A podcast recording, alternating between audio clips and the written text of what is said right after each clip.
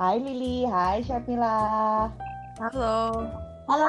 Udah pada Halo, makan halo. belum? Udah, heeh, Udah udah makan. yang udah siap ngobrol. Udah, udah siap ngobrol. Hari ini cerah banget loh di tempat gua. Tempat lo orang cerah nggak? Cerah. Kayaknya dia cerah. Cerah kan? Tumben-tumbenan kan nih Irlandia cerah. Kayaknya kalau Irlandia cerah kayaknya kita pada norak banget deh. Padahal di Indo tiap hari cerah aja kita masa bodoh.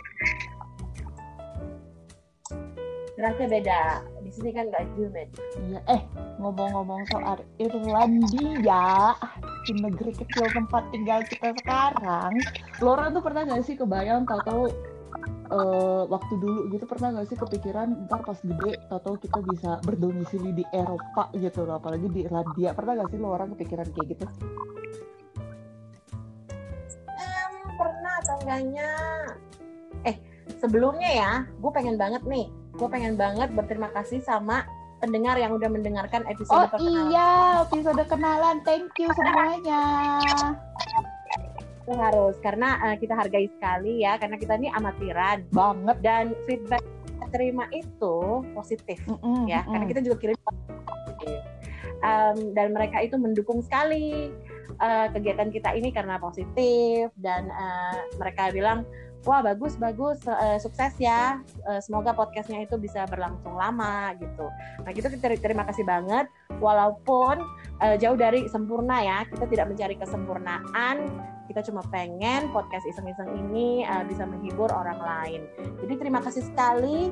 Eh, masukannya juga kita terima kayak em, kita ini ya pokoknya ada yang pakai earphone sebelumnya kita kita nggak pakai sekarang kayaknya itu ya agak lebih baik lah ya kualitas suaranya. Soalnya kan kita ada keterbatasan nih gara-gara lagi lockdown, jadi kita eh, podcastannya juga dari rumah masing-masing.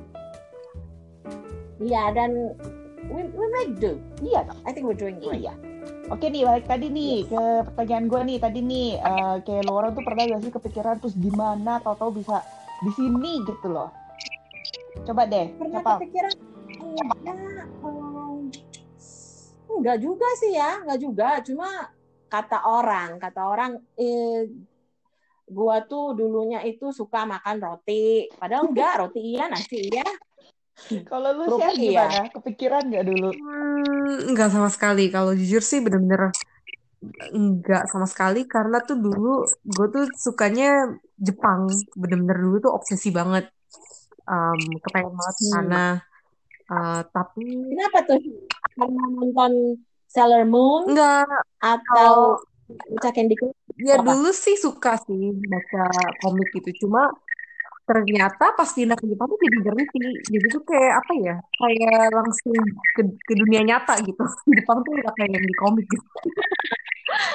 tidak seindah yang di Nah terus ya udah, nah ternyata anehnya itu tuh bener-bener jauh dari komik. Jadi kayak reality itu bener-bener beda banget. Lama-lama Iyalah kan kayaknya kalau di sana kan eh, orang-orang tuh lebih berfantasi banget kan, makanya jadilah Iya. komik-komik itu. Heeh, jadi pokoknya iya pokoknya bangun dari dari mimpi terus eh, makin lama tuh kayak makin gak suka ternyata tuh kayak gue nyadar makin gak cocok gitu kayak kan value-nya gitu ini kan katanya kalau misalnya lu coba apa kalau misalnya lu seneng banget sama sesuatu terus lu apa lu realisasikan malah jadi ambiar. Bener bener-bener. Kayak mungkin suka sama artis gitu. Pas ketemu ya ternyata orangnya begini atau apa gitu kali ya. Heeh, heeh, heeh. eh tapi terus kan udah nih nggak nyangka. Gue juga nggak nyangka. Padahal dulu tuh gue pengennya tuh eh, enaknya di eh, maybe di Amrik gitu gara-gara. Dulu tuh gue doyan banget sama The Carter lu tahu gak sih? Ya ampun. Iya gue juga suka Backstreet Boys sih. Iya. tapi gue nggak nggak specifically siapa gitu. Iya eh. Gue suka aja. Jadi- tapi ini ya coba nih ya. Eh Lili nih coba nih gue tanya lu gimana ceritanya bisa sampai di sini? Di Irlandia ini? Pertama dari lahir sampai nikah itu di Jakarta. Terus udah nikah, kita tinggal di Inggris karena James suami gue itu sebenarnya orang Inggris. Terus udah tinggal di situ, terus orang tuanya kebetulan bapaknya warga negara Irlandia yang pengen pensiun di sini.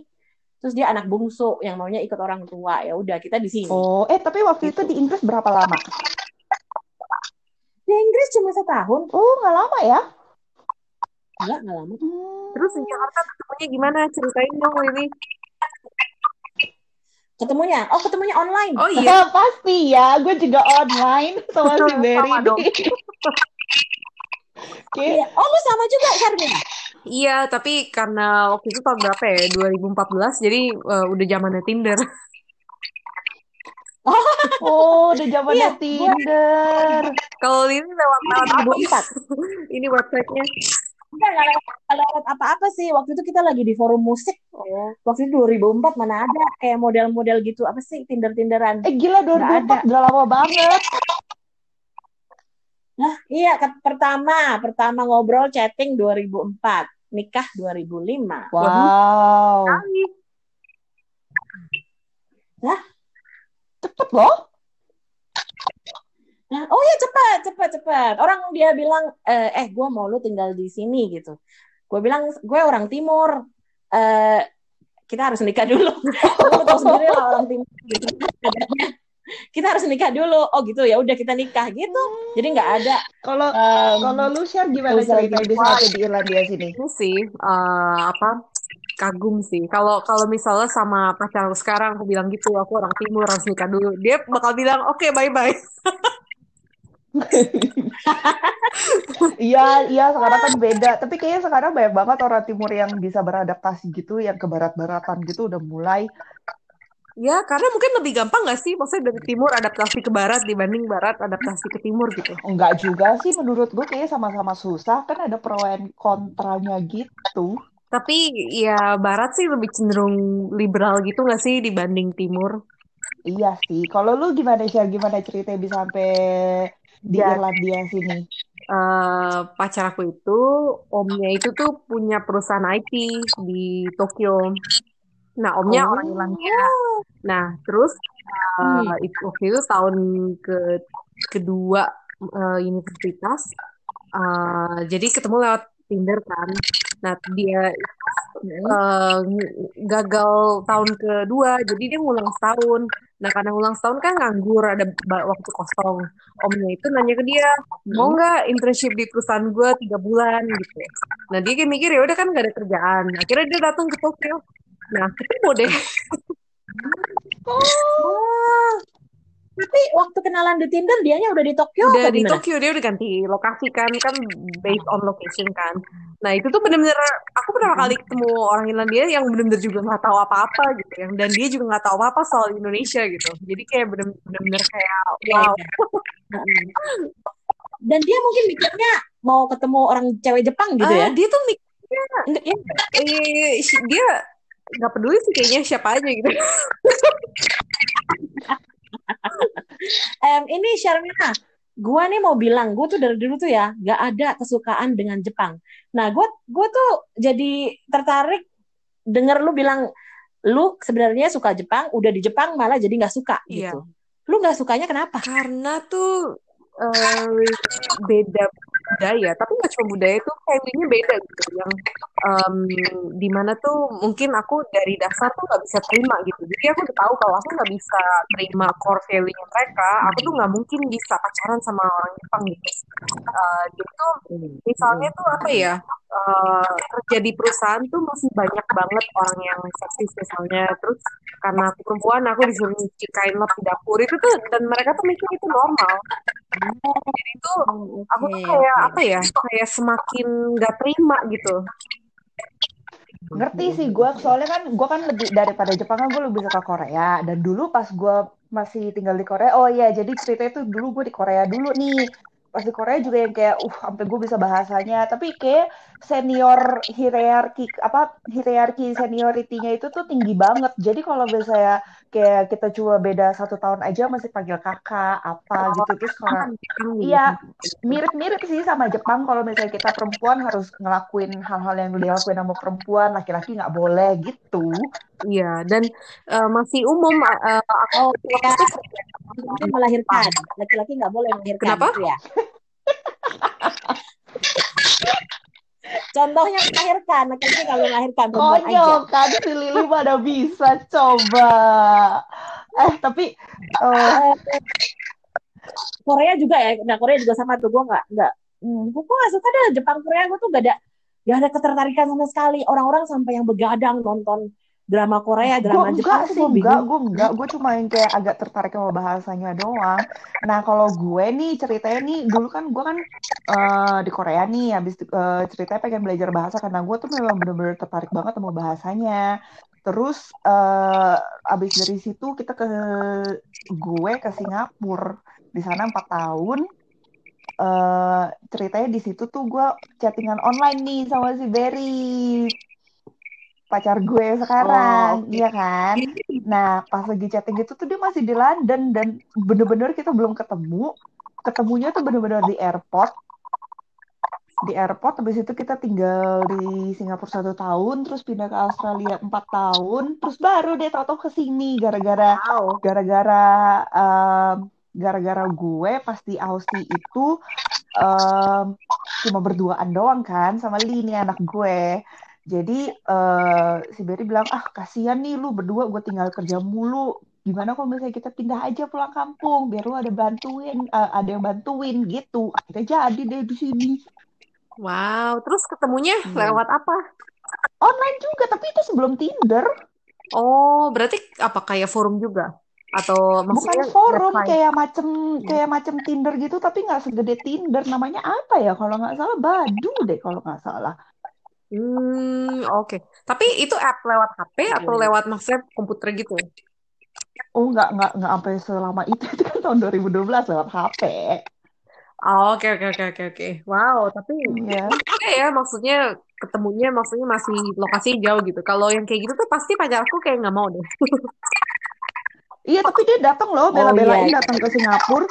Wow. Iya. Eh Hmm. kalau misalnya kayak gitu kan berarti kan kita karena kita jauh dari tanah air kan artinya kan kita apa nih sering nih apa eh proses perjalanan kayak naik pesawat lah, di airport lah, apalagi kalau kita dari Indonesia ke sini kan pasti ada yang kayak transit di bandara apa gitu kan kayak di Timur Tengah ya kan ya kita biasanya ya. Lo orang ada pengalaman? Gue sukanya pesawat yang Timur Tengah karena gue tuh nggak suka terbang. Bukannya takut atau gimana, gue nggak suka duduk doang gitu loh, duduk lama-lama. Nah itu tuh pokoknya yang terlama yang gue bisa handle itu ya 8 jam 8 jam aja gitu. Jadi harus eh, yang Timur Tengah biar setengah-setengah. Pernah naik yang Turki dari Turki ke Indonesia 12 jam. Aduh gila. Oh, You know. Ya makanya gue tuh kalau bisa ya kalau dananya ada dananya cukup gitu ya Timur Tengah aja dah.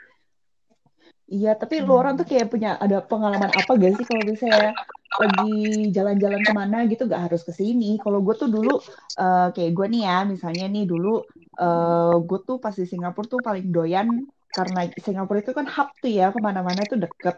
Kayak Zeberi tuh suka bilang, eh gue besok eh, libur kerja empat hari nih. Itu yang kayak gue tuh langsung, oke yuk kita pergi ke Phuket, ke Thailand. Lu terus suka banget kan kayak gitu.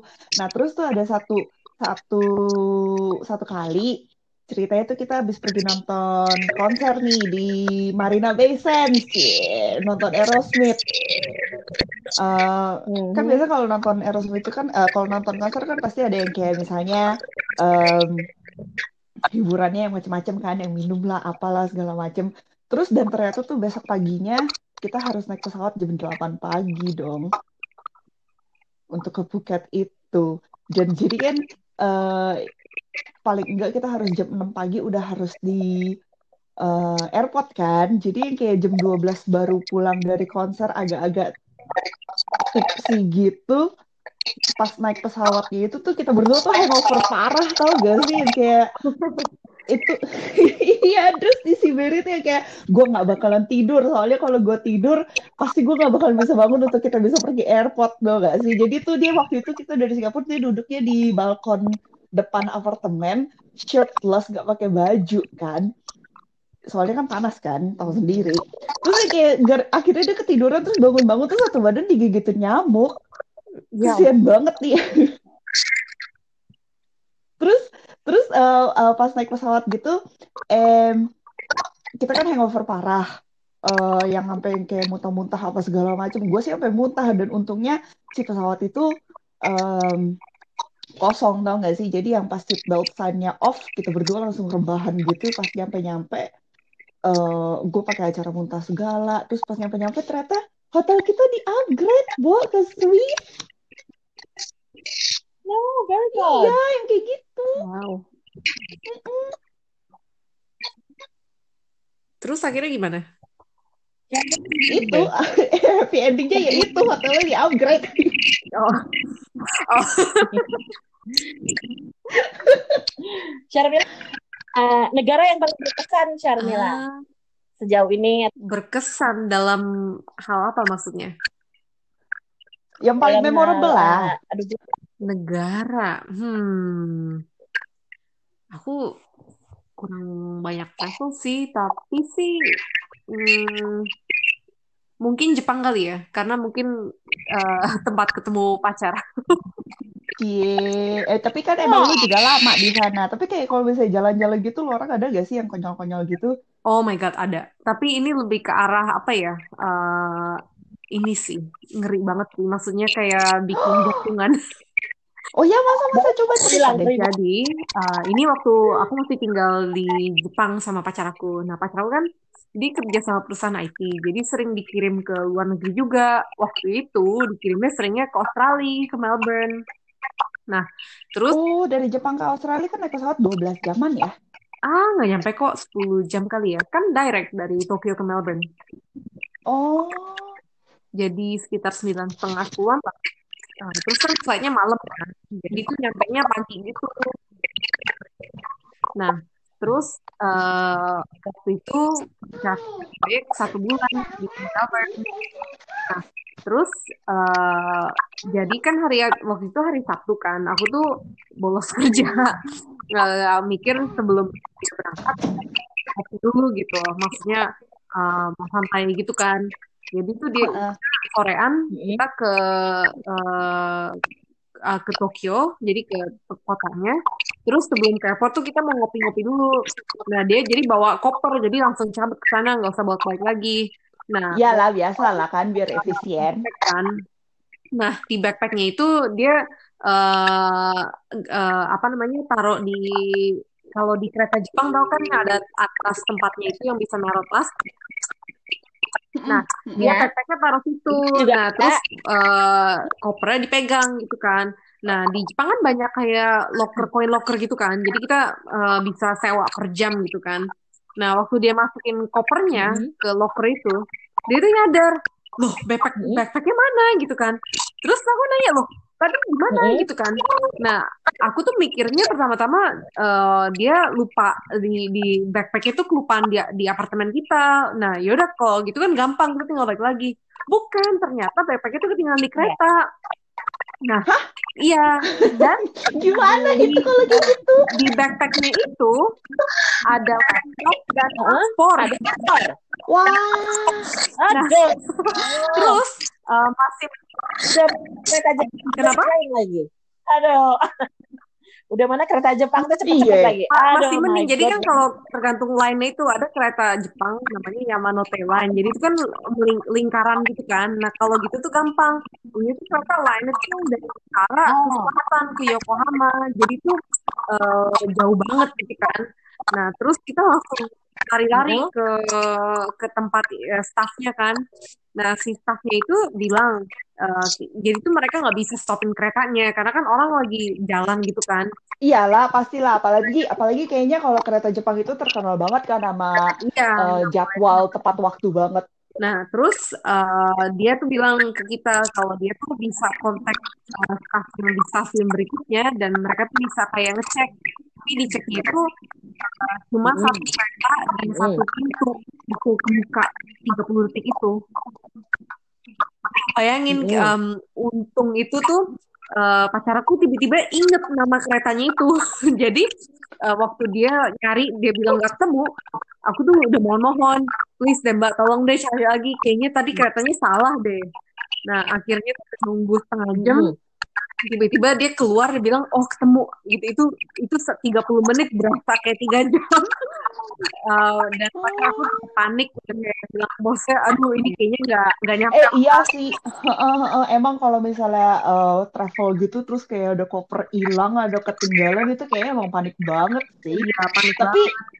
Nah, tapi staffnya lumayan keren loh, masih mau bantuin. tapi masih mending itu tuh setelah kita mohon-mohon uh, kalau misalnya kita uh, cuma nanya sekali doang mereka tuh pasti kayak nggak mau tahu gitu. Dan itu juga mereka sempat bilang timbanya itu bilang itu kan tanggung jawab uh, kita gitu. Terus sampai pacarku marah maksudnya itu kan naik kereta mereka mereka bisa ngatur operasinya gitu kan. Nah terus aku Hmm, udah pokoknya nggak mau susah lah ya intinya. lagi kan itu bukan orang Jepang ya jadi itu mereka tuh kurang gitu sendiri juga gitu. jadi tuh meskipun kita udah bilang ada paspor gitu kayak gimana ya kayak kita kan kayak foreigner gitu. Jepang tuh kayak Hmm. udah berapa puluh tahun tinggal di sana tuh kita tetap foreigner kita akan bisa dari grup mereka gitu. dan itu tuh bedanya Jepang negara barat gitu ya. Nah, terus Waktu itu lu komunikasi sama staff pakai bahasa Jepang. Itu tuh makanya masih mending kalau kalau Iya. pacar kesendirian itu udah pasti mampus deh itu. Nggak akan bisa dapet balik uh, tas gitu. Tapi itu ya eh, kemu- kemungkinan besar sih nggak ada yang ngambil. Tapi Karena Jepang kan terkenal aman Eh, lah ya. nggak ada yang ngambil, bener. Tapi masalahnya itu kalau udah keretanya balik ke eh, terminusnya itu, itu ada ribuan kereta, itu tuh mungkin bisa berminggu-minggu dapat baliknya gitu loh. Karena ada ribuan ratusan ribu kereta yang mereka mesti Heeh, jadi untung Untung ketemu. ketemu. Nah, terus uh, waktu ketemu, akhirnya kita ke naik kereta sendiri kita uh, itu kan? Nah dari situ untungnya itu lima setengah jam naik taksi ke airport gitu kan. Nah taksi, pacar aku nyadar dia nggak ada cash. Coba. Gila nggak itu? Terus Gila itu sih hebat banget. untung tuh yang nyetir taksinya itu aduh itu bener-bener itu keajaiban banget. Karena yang nyetir itu bapak-bapak tua itu eh, udah kayaknya udah, udah baik banget atau mungkin dia lagi buru-buru kali ya. Kita bilang aduh maaf ya kita nggak ada duit kita boleh nggak ATM dulu? Terus dia bilang udah udah udah nggak usah udah turun aja. Gitu itu kita nyampe ke check innya itu itu tuh udah orang kahir yang kita kita mau Astaga, bener-bener ini ya sport jantung banget. Jantungan banget sih emang kalau kayak gitu mah. Jantung. Terus kalau eh, ini gimana Kalau- cerita travel? Kalau gue ya gak pernah ada kejadian em, menegangkan kayak gitu ya. Eh karena gue tuh kalau mau pergi-pergi itu sangat-sangat terorganisir gitu loh. Jadi gue tuh jarang ada ketinggalan-ketinggalan gitu. Nah pernah sekali gue tuh sibuk. Ini miskomunikasi sama suami. Kita naik bus di Amsterdam ya. kita naik bus mau terus udah gitu eh, kita berdua ada backpack terus kita ada stroller satu lah gitu ya. Terus udah gitu ditaruh di bawah suami gue. Terus gue nya mungkin sibuk main HP atau gimana asumsi gue dia akan ambil. Asumsi dia gue yang ngambil. Jadi nggak keambil. Nah untungnya airport itu terminus ya kan? Terus eh, pas kita turun kita langsung sadar kita lupa eh, stroller itu koper itu terus eh, dia yang lari gitu kan. Karena gue nggak mungkin lari lah gue nggak bisa lari. Gue lari dua menit gue bisa lari. Em, dia yang lari dia lari udah udah kenceng gitu tapi masih nggak kekejar. Terus kita yang udah aduh aduh. Gue gue langsung telepon em, mau telepon busnya lah atau gimana. Nah karena itu terminus dan itu itu bus tuh itu masih lah di siang hari Hmm. gitu. Jadi bukannya yang ngetes ya, dia langsung balik lagi. Jadi dalam lima menit dia langsung balik lagi. Terus gue inget kan supirnya yang mana? Langsung kita ambil. Ya ampun kalau itu bukan terminus gue udah gak tau kayak apa dah. Tapi nggak ada barang berharga karena itu paspor nggak mungkin. Pokoknya paspor itu selalu ada di dekat badan lah ya. itu makanan-makanan Indonesia. Kita ke Amsterdam itu beli makanan Indonesia. Iya lah. Orang. Aduh, kalau gue apa kalau misalnya eh, mau beli makanan Indonesia ya pasti diimportannya itu dari dari dari Belanda Amsterdam gitu. aduh Tapi eh Iya, lo orang tuh gitu. pernah ini gak sih yang kayak ketemu gue tuh ingat banget dulu eh, pernah ketemu ini gak em, apa namanya uh, petugas imigrasi yang centil? Centil enggak, cuma waktu itu gue bingung. Waktu itu kayaknya pertama kali gue ke Inggris deh. Hmm. Uh, jadi waktu itu di Dubai. Di Dubai terus mereka ngecek-ngecek paspor gue pakai nanya-nanya, eh, kamu warga negara apa lah? Itu paspornya kan sama kamu, gak bisa lihat. Terus udah gitu, oh ini visa di bulak balik, bulak baliknya visanya itu itu juga jadi dalam hati gue gue bingung waktu itu kan uh, eh, gue pertama kali ke Inggris gitu ya gue bingung gitu di pas itu masih bingung apa ya kok dia yang rese ya soal visa Inggris gue gitu loh. Kan dia Dubai apa urusannya sama dia gitu kan? Harusnya tuh petugas imigrasi di Inggris yang nanya-nanya gue oh, ya? gitu. Terus udah di iya. Uh, terus ya pokoknya kayak nanya-nanya aja gitu banyak nanya. Terus udah di Inggris gue nonton program ini. Ini gue demen deh program kayak model-model gini nih. Uh, eh, UK Border Force. Jadi itu kayak imigrasi hmm. lah gitu ya. Nah dari situ tahu jawabannya bahwa uh, airline itu kalau misalnya penumpangnya itu paperworknya itu nggak benar itu airline-nya bisa kena denda jadi kalau misalnya gue di gue misalnya terbang tanpa visa yang benar itu airline yang kena denda. Oh, kayaknya gitu. gue juga pernah deh kayak gitu. Waktu itu pas di Singapura, ceritanya gue sama Barry mau ke mau ke Vietnam nih dari Singapura. Nah, kalau kita yang paspor Indonesia kan kalau masuk ke negara ASEAN itu kan nggak perlu visa. Nah, ternyata tuh yang yang yang kita nggak expect itu ternyata paspor Irlandia kalau ke Vietnam itu butuh visa dan kita tuh nggak ngecek sehariannya. Oh. Soalnya kan kita nggak langsung asumsi nggak perlu kan. Eh nggak taunya dong pas lagi check in nih, pas lagi check in di airport udah mau taruh um, pokoknya mau check in lah. Terus orangnya bisa orangnya bilang, oh lo orang nggak bisa naik pesawatnya. Kenapa? Soalnya ini nggak ada visanya nih paspor Irlandia. Ya hangus lah.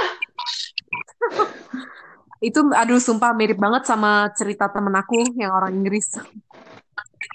tapi kenapa itu? Tapi lebih lucu lagi. Um, eh maksudnya setidaknya itu um, ya honest mistake lah itu nggak tahu gitu kan. Um, jadi temen aku orang Inggris. Uh, dia pengen uh, dia tinggal di Jepang ketemunya teman waktu kuliah gitu kan nah dia itu mau visit teman Inggrisnya dia yang kerja di Australia Nah, terus uh. Uh, dia dia kan check in di, di Narita di Tokyo kan.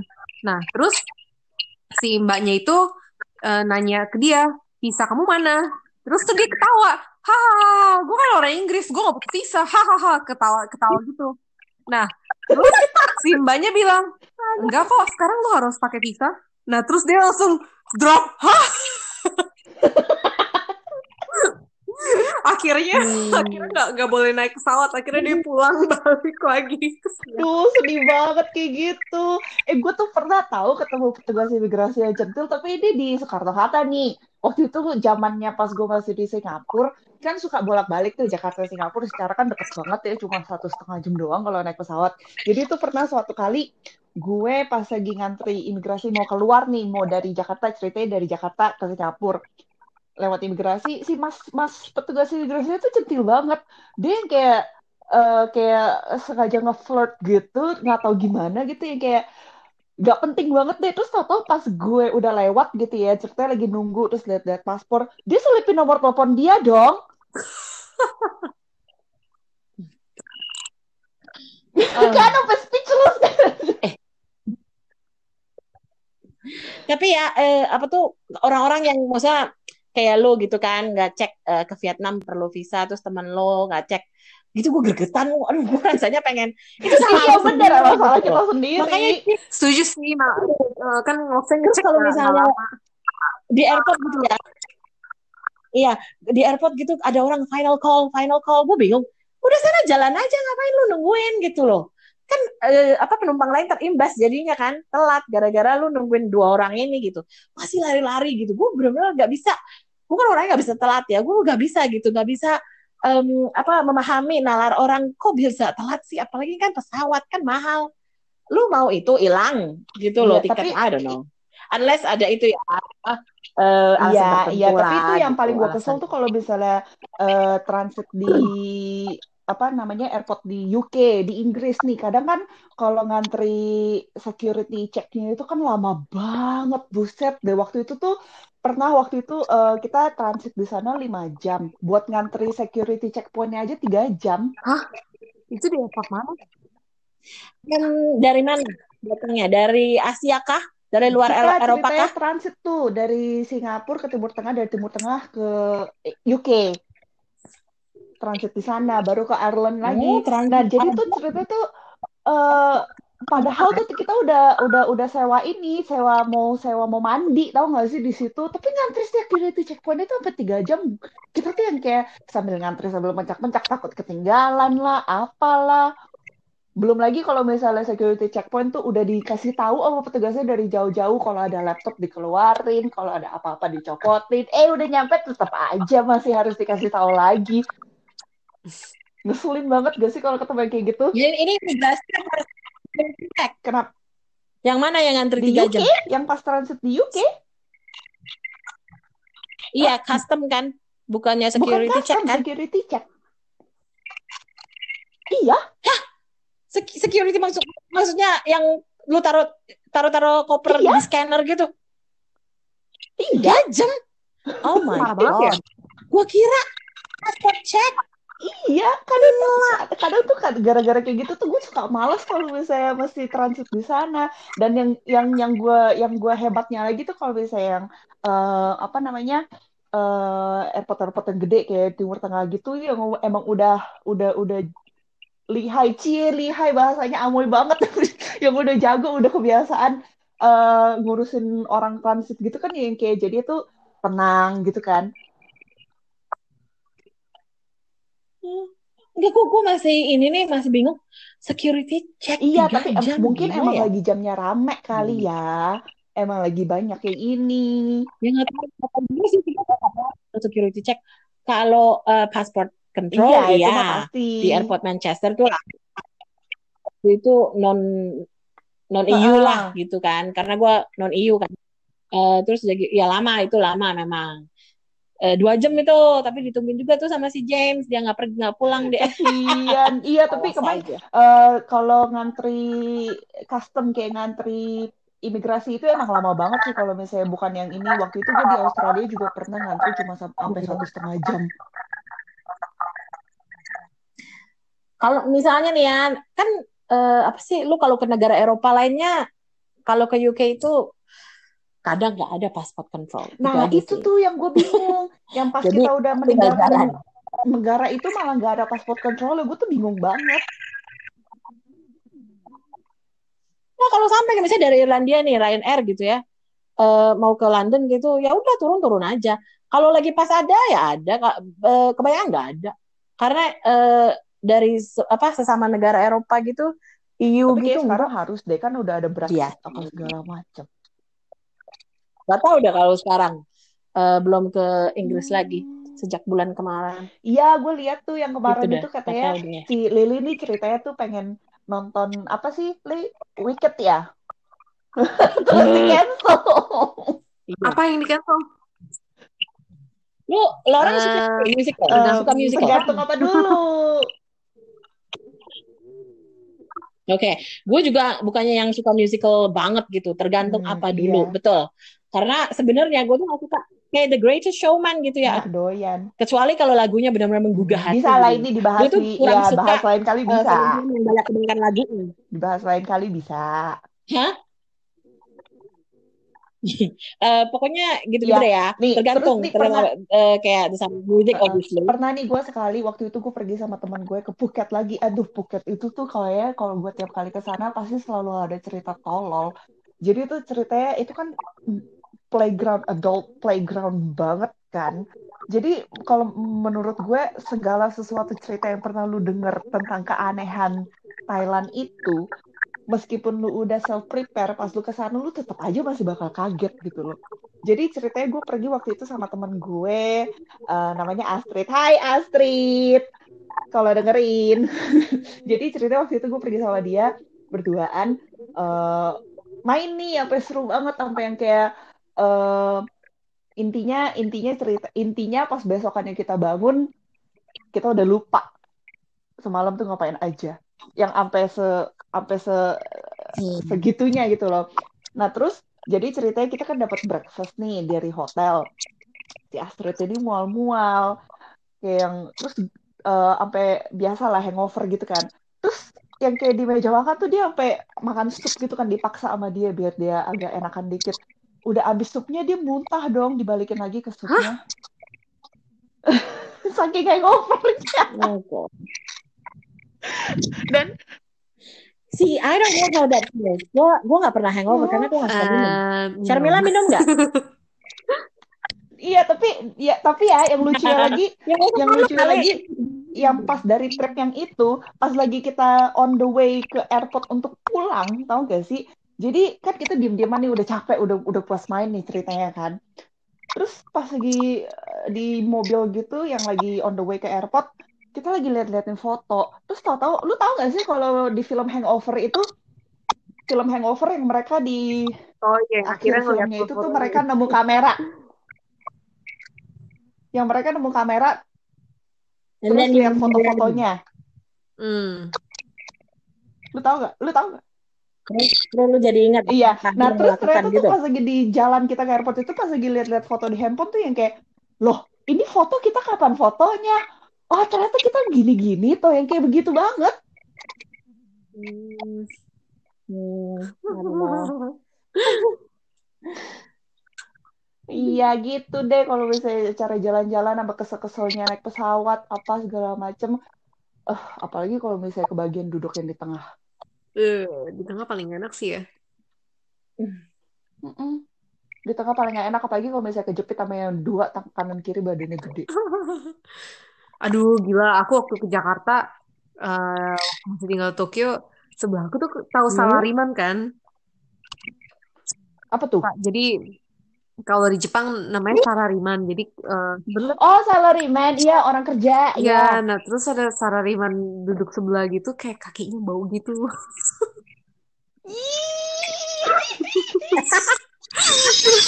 aku tuh aku sampai aku sama pacar aku tuh kayak nyadar gitu kan. Terus kita kayak langsung ngomong kayak bisik gitu gitu. Eh itu emang lu ya? Enggak lu sebelah kita Terus orangnya nyadar gak? itu dia nggak nyadar kan nyebelin banget Ini males banget. akhirnya ya udah kita tuh kayak langsung selimutnya buat bukan buat nutup badan nutup hidung Eh tapi kan kalau misalnya orang udah tutup hidung kan jadinya kan jadi yang kayak ih apa gue bau gitu ya kan biasanya kan kayak gitu. nah kalau salariman yang udah tua gitu mah leha-leha mereka nggak peduli Oh udah tua. Eh mana dari Jepang ke ini dari Tokyo ke ini lama banget lagi 7 jam 8 ya jam ya. lumayan sih cuma untungnya direct sih Hmm, iya. Eh, Sharmila, bahasa Jepang lu jadi nih fasih Ya. ya? Level level ya fasih gitu. bisnis lah Sefasih lu berbahasa Indonesia. lumayan waktu itu kerja Wow. di perusahaan Jepang sih soalnya kalau nggak bisa Hmm. mereka nggak mau hire gitu soalnya jadi terpaksa Keren. Eh tapi kan lu dulu kuliahnya di sana juga. kenapa Terus di Irlandia ada nggak? Eh, Di Irlandia ada nggak perusahaan Jepang? Cuma, cuma no, aku nggak mau, mau. Aku, eh, Udah trauma aku, banget dia aku maunya kayaknya. kerja sama perusahaan Eropa atau Irlandia yang ada bisnis di Jepang. Mending Karena, gitu. Iya, mendingan gitu. karena bedanya itu oke. kalau di perusahaan Jepang tuh eh, tetap mereka masih ada inkorporasi budaya Jepang kan. Jadi tuh eh, Mm-mm. nggak bisa naik ke atas, nggak bisa jadi manajer, nggak bisa naik, pokoknya nggak bisa naik tangga gitu. Eh, gue mau nanya. Terus Syarli kan Ah. hubungan internasional.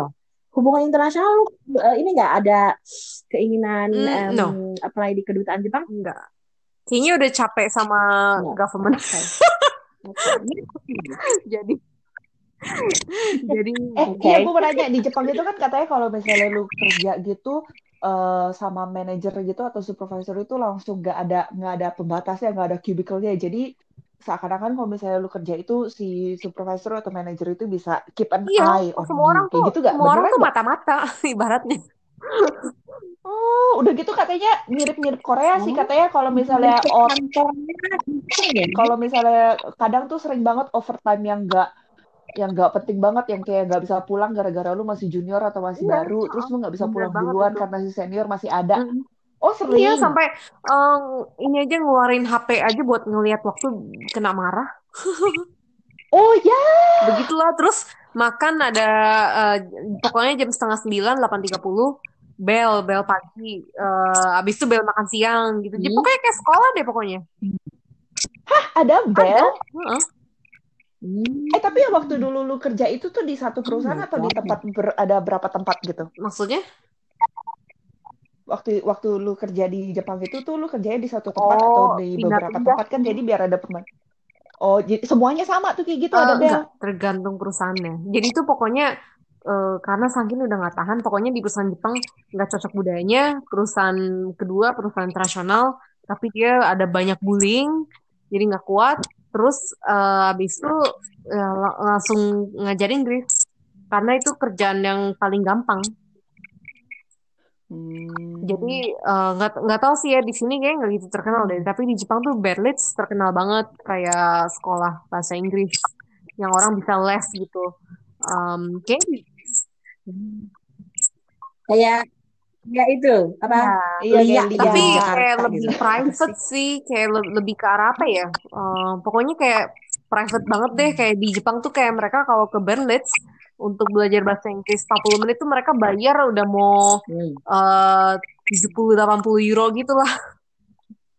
Wow. pokoknya kayak gitu nah terus ya karena Hmm. waktu itu udah ada kenalan temen di sana ya udah jadi ke HR-nya gampang itu tuh bener-bener lebih stress free banget sih daripada di perusahaan sebelumnya di perusahaan sebelumnya tuh bener-bener sampai stresnya tuh sampai ke psikiater seminggu sekali OMG, serius serius lu? serius sampai bener-bener sering Hmm. banget di di apartemen tuh berantem sama pacar breakdown gitu karena kerjaan stres banget Oh. jadi tuh mak Gila ini sih gue yakin yang pas yang pas lu pindah Pantesan ya, suka langsung kayak ngerasa freedom banget sih gitu.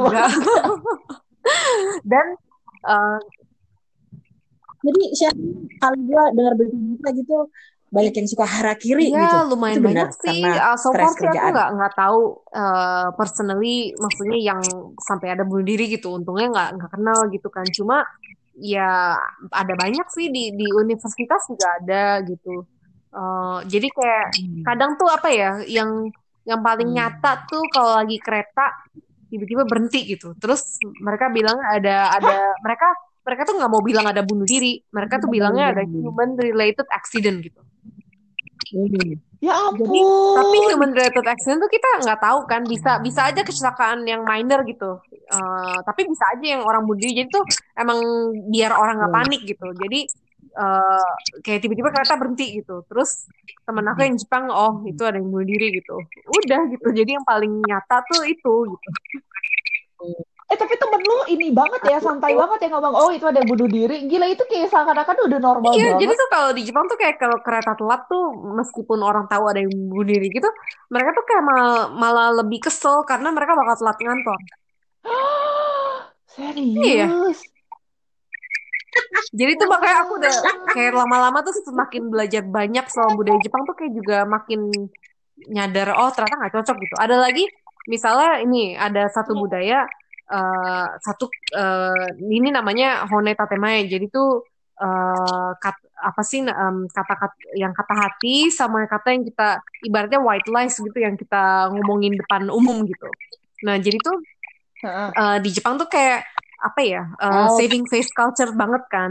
Jadi tuh eh, buat mereka tuh kalau kita direct, misalnya aku nggak suka sama sini nih, aku kan kalau kita tuh normally bilang eh Vin mungkin jangan gini dong, aku kayak begini gitu kan. Buat orang Jepang itu tuh nggak sopan. Jadi yang sopan itu aku bilang ke Lily, Lih aku tuh nggak suka deh sama Cindy. Nah Lily bilang ke Cindy, nah itu baru sopan. Ah itu kayaknya bukan Jepang deh, kayaknya di Indo juga kayak gitu. Kita oke. Tapi di di Jepang lebih diformalkan gitu. Itu yang cara bener gitu. Kalau kita kan di Indo, Intinya kayak ya prosedurnya kalau kita kan ya. di Indo ya banyak orang yang kayak gitu. Cuma kita kan kayaknya tahu, wah ya kayaknya ini orang ngomong di belakang nih kayak gitu. Kayak di Jepang tuh, jadi ibaratnya kan waktu itu ada grup belajar bahasa Indonesia, isinya orang Jepang campur orang Indonesia kan. Nah aku tuh kayak waktu itu sering kayak nge- ngelucon gitu, bercanda-bercanda. Mm-mm. Nah ada satu orang Jepang yang nggak suka karena dia benar-benar mau belajar. Nah dia harusnya kan bilang aja gitu, eh share nanti bercandanya nanti aja gitu kan. Nah aku tahu soal itu setelah dia kasih tau semua orang kecuali aku gitu. Nah, di Jepang itu tuh dia tuh polite, dia tuh baik banget gitu. Wah, untung dia kasihnya ke semua orang gitu, nggak aku langsung. Kalau bahasa kita orang Indo muka Iya, dua iya. ya. Dan tapi kan di Indo tuh muka dua kita masih mikir itu hal jelek kan, itu nggak bagus kan. Di Jepang itu tuh kayak itu itu termasuk eh, itu adalah yang paling sopan gitu. Caranya kalau lu mau komplain ya. Capek deh. Ah. Makanya makanya tuh aku Eh. sejak sejak Udah ke Jepang tuh aku semakin westernized. Iyalah. Jadi kayak oh. Ah. Eh, eh, mau udahan nggak? Udah nih, udah kan kita episode pertama nih. Kita lagi kalau ibaratnya berenang lagi tepok-tepok air ke dada dulu. Mau udahan dulu nggak? Yes. Oke guys. Thank you. Thank you, guys. Bye. Bye bye.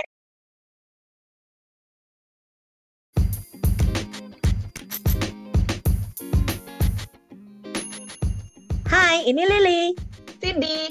Camila, dan kita adalah Amoy. podcastan.